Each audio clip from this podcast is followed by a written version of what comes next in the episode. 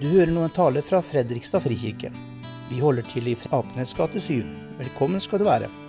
Ønsker du mer informasjon, finner du det på fredrikstadfrikirke.no.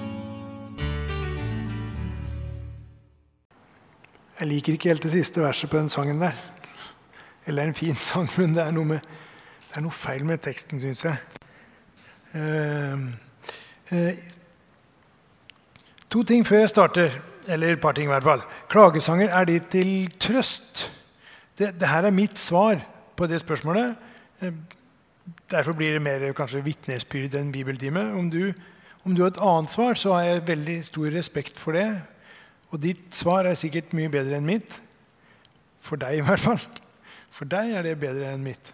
Eh, og to, altså, hva er det Gud Hva er det Gud har krevd av tids folk gjennom alle tider? Sånn egentlig Hva er det han har krevd? Jo, at vi er ærlige. At vi kommer til han med åssen vi har det. Og det høres jo kjempelett ut. Det er jo ikke det. I hvert fall ikke for meg.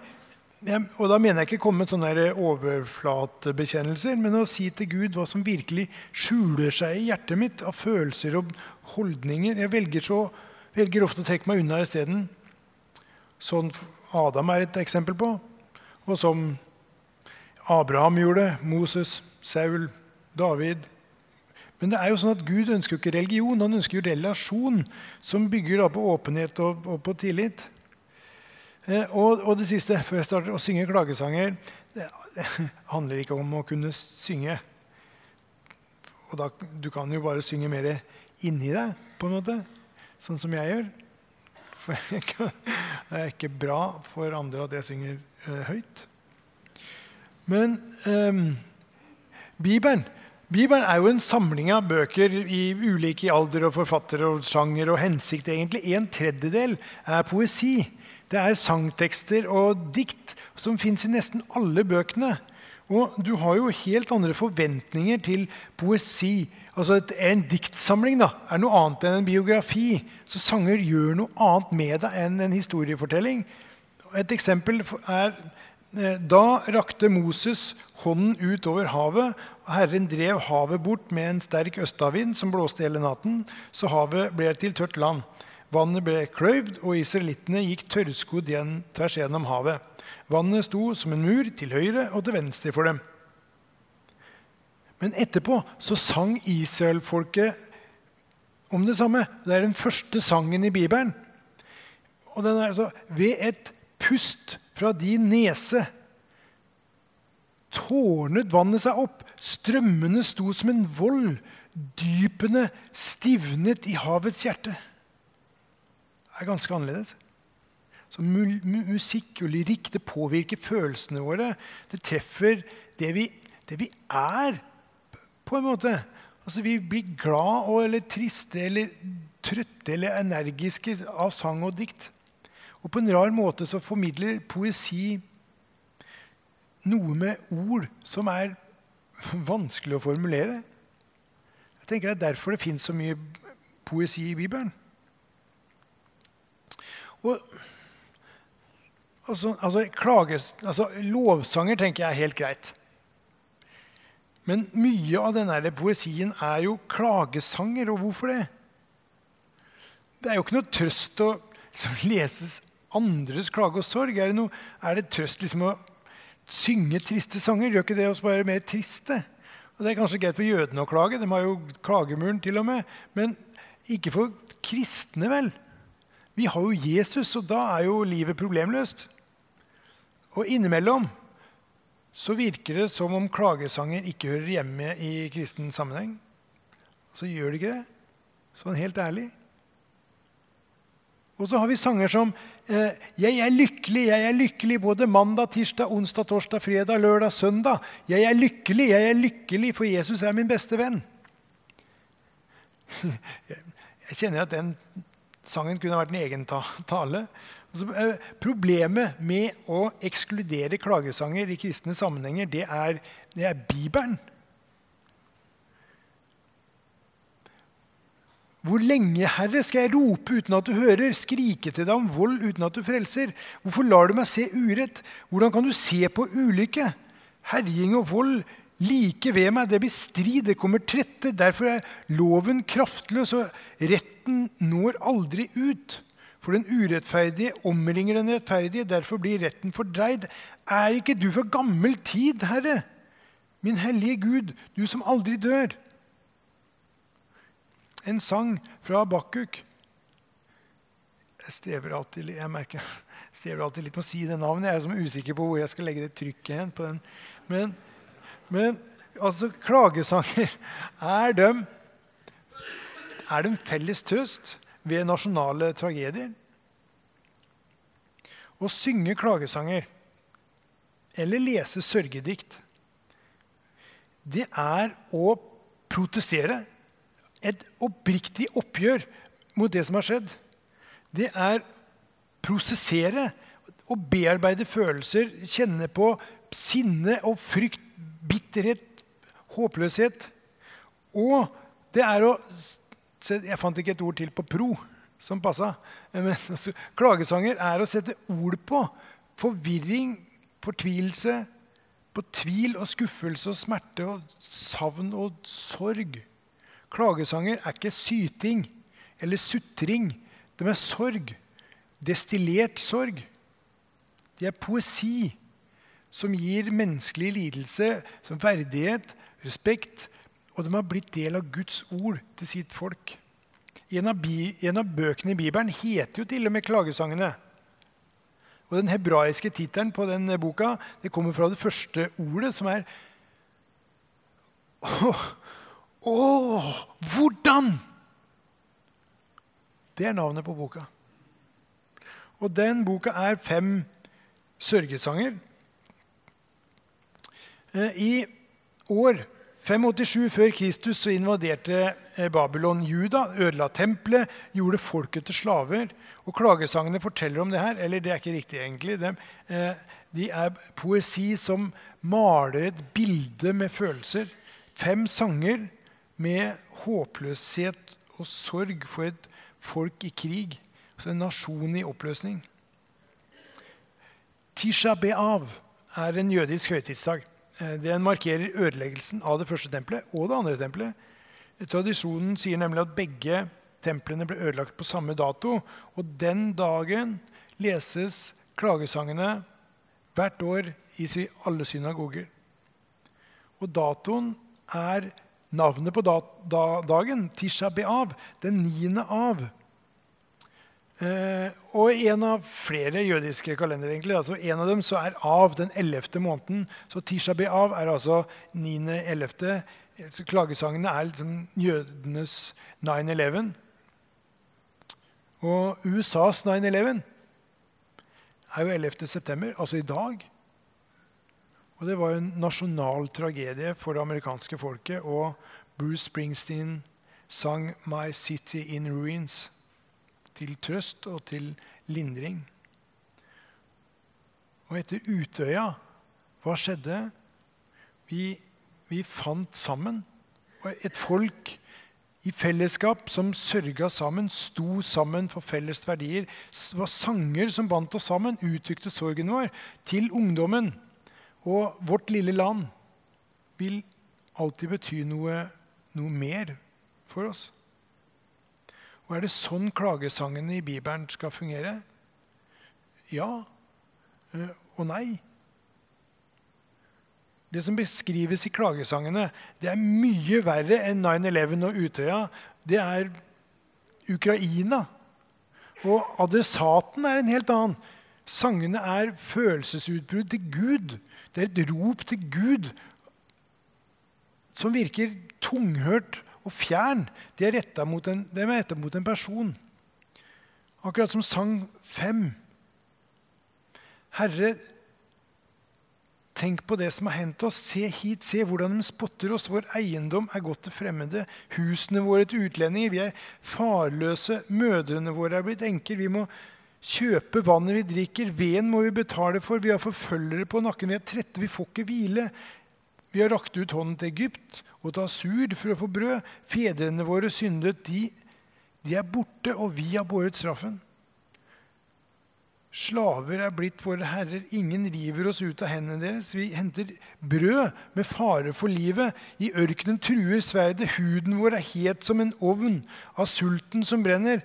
De voldtar, de voldtar kvinnene i Sion og jomfruene i Judas byer. De henger stormenn. De eldste vises ingen ære. Unge menn må slite med kvernen. Gutter segner under vedbøren. De gamle sitter ikke lenger i porten.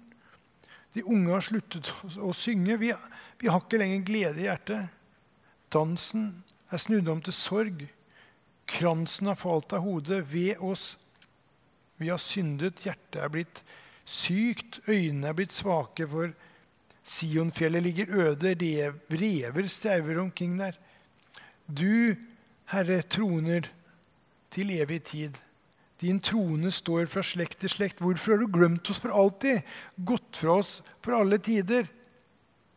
Herre, led oss tilbake til deg, så vi kan vende tilbake. Gjør dagene våre nye slik de var før. Men du har vraket oss. Du er rasende. Hvordan kan dette være til trøst? Hvorfor er ikke klagersanger redigert bort fra Bibelen?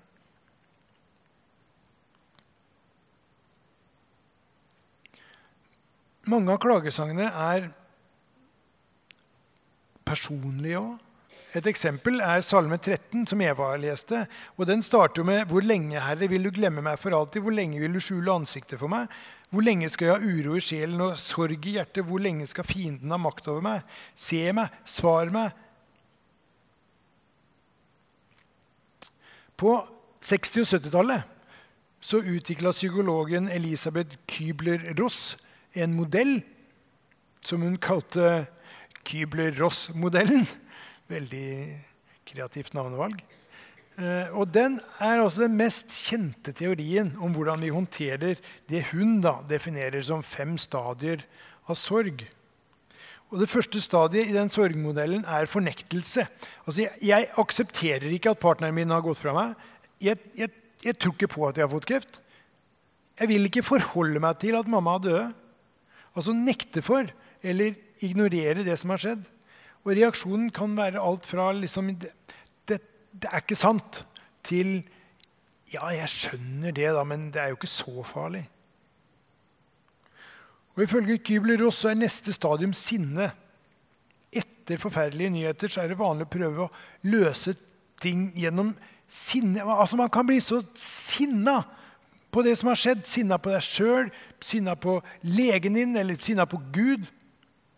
Og Når du da ser at sinne ikke løser problemet, så starter forhandlingsstadiet. og Du argumenterer, du diskuterer, du forsøker å kjøpslå eller overbevise. Det handler både om, både om helsepersonell og, og deg sjøl, kanskje, og i hvert fall Gud. Og, og Modellen sier at når forhandling ikke fører fram, så er depresjon neste stadium. Men det kan også være dyp tristhet eller maktesløshet. Fordi du, altså du føler deg hjelpeløs overfor hjerneslaget til onkelen din, eller at du har mista jobben, eller mobbingen av barnebarnet ditt. Det siste stadiet er aksept. Som ikke betyr at du godkjenner det som har skjedd, men at du godtar at situasjonen er sånn som den er. Og først da kan du vurdere hvordan du skal forholde deg til den. Så Teorien er at hvis ikke du går gjennom disse stadiene trinn for trinn, så sitter du fast der du stopper. Og stadiene den, altså den passer jo veldig bra med hvordan de fleste mennesker bearbeider sorg. Og den der teorien førte til en dypere forståelse av hvordan vi behandler følelser og og hvordan vi forholder oss til tap. Men, men også nåværende forskning og jeg tenker din egen personlige erfaring sier jo at denne trappetrinnmodellen er jo ikke sann. Altså, Sorg er kaos. Det er å gå fram og så tilbake. Det er å hoppe over et stadium, og så plutselig så starter du helt tilfeldig på et eller annet nytt et, uten noe system. Sorg er bare rot. Altså, Sorg er utmattende kaos. Og egentlig så er det bare to stadier av sorg. Det er hvem du var før, og hvem du er etter. Eh, når vi nå først holder på med septemberklagesanger Det er et bilde på min septemberklagesang. Den 8. september 2016 så jeg en ulykke. Jeg brakk ryggen, jeg rev opp ryggmargen i nakken, så alle funksjoner fra nakken og ned er skada. Innimellom lurer jeg på fra nakken og oppå, egentlig. Eh, det, det, bildet her er fra ca. 11.9. Og sorgen handler jo om tapet, om hvem jeg var før, og hvem jeg skal være etter. Og den er liksom kjære, kjære Gud, jeg vil ikke ha det sånn her. Så jeg besøker daglig alle stadiene. Hver dag snakker jeg ikke bare med meg sjøl, men, men, Gud om liksom min fornektelse og sinne. Og jeg forhandler, og jeg er, jeg er lei meg. Og så, så, aksepterer jeg situasjonen for en stund. Men, men her ligger forskjellen, tenker jeg. Jeg har en å gå til for å protestere på forholda, for å prosessere følelsene og sette ord på forvirring og fortvilelse. Klagesangene det hjelper meg med det. For et par uker siden så, så var jeg på en samling med Sunnaas-stiftelsen. Vi var 15 deltakere eh, på mentorkurs. Den ene halvparten eh, ryggmargskadde i rullestol, og den andre halvparten hjerneskadde. Og så var det meg, da. Og, alle, satt, alle satt med et liv Eh, som ikke ble det vi hadde håpa, eller som vi hadde forventa, egentlig. Og En øvelse så var å dele hvilke, hvilke, tiltak eller strategier vi brukte på dårlige dager. Altså, Hva gjør du når du har en drittdag? var oppgaven. Altså Når du blir overvelda av sorg og smerter og tap og personlig tragedie. Og På lista så kom jeg tiltak som å, å gå en tur, høre på musikk, hjelpe andre, bygge Lego. Jeg, jeg, skjønte ikke før flere dager etterpå hvorfor den øvelsen gjorde meg så trist. For det triste var jo at alle de tiltakene var uten håp. Det var ingen deltaker som kunne formulere det vonde i en helt ærlig klagesang til Gud. De er flotte menneskene de hadde ingen å synge til, ingen å klage til. Det ligger, det ligger, altså en, det ligger en trøst i å vite at Gud er der, midt i sorgen. Den der lista med tiltak den dempa jo symptomene, men det gjorde jo ikke noe med årsaken. Så klagesang er lindring, men også rehabilitering. Det er i hvert fall det for meg. Det er bearbeiding og endring.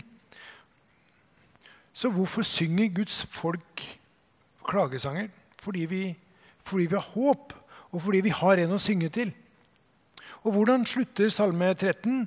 Etter det herre vil du glemme meg for alltid? Hvor lenge vil du skjule ansiktet for meg? Se meg, svar meg. Etter det så kommer Men jeg setter min lit til din miskunn. Mitt hjerte skal juble over din frelse. Jeg vil synge for Herren, for Han har gjort godt mot meg. Klagesangene er til trøst.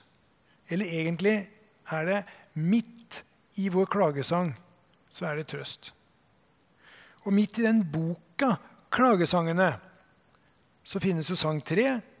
Og midt i sang tre, midt i det som oppleves som både et nasjonalt og personlig Ukraina, så er det et lite lyspunkt, et håp. Men, men én ting legger jeg meg på hjertet, og dette gir meg håp. Herren er nådig. Vi går ikke til grunne. Hans barmhjertighet tar ikke slutt. Den er ny hver morgen. Din trofasthet er stor. Jeg sier, 'Herren er min del'. Jeg setter mitt håp til Han. Hvorfor er ikke klagesanger redigert bort fra Bibelen? Fordi Gud vil ha dem der. Fordi det, for det er, Guds, det er Guds ord til oss. Vi har en Gud som tåler oss og følelsene våre. Som verdsetter ærlighet og åpenhet og oppriktighet. Og når vi driver og pynter på følelsene våre og skjuler det som er i hjertet, da beveger vi oss vekk fra Han. Så ved nasjonale tragedier så er klagesanger der for folkets bearbeiding av urettferdighet og overgrep, uansett hvor forferdelig katastrofen er. Og så gir dem håp ved personlige kriser. For hans hjerte blør med sitt folk. Han vet at sorg lindres ved å dele. Når vi ærlig kommer til han og protesterer og prosesserer og setter ord på følelser og forvirring og fortvilelse Du kan jo ikke komme over sorg, men du kan komme gjennom sorg.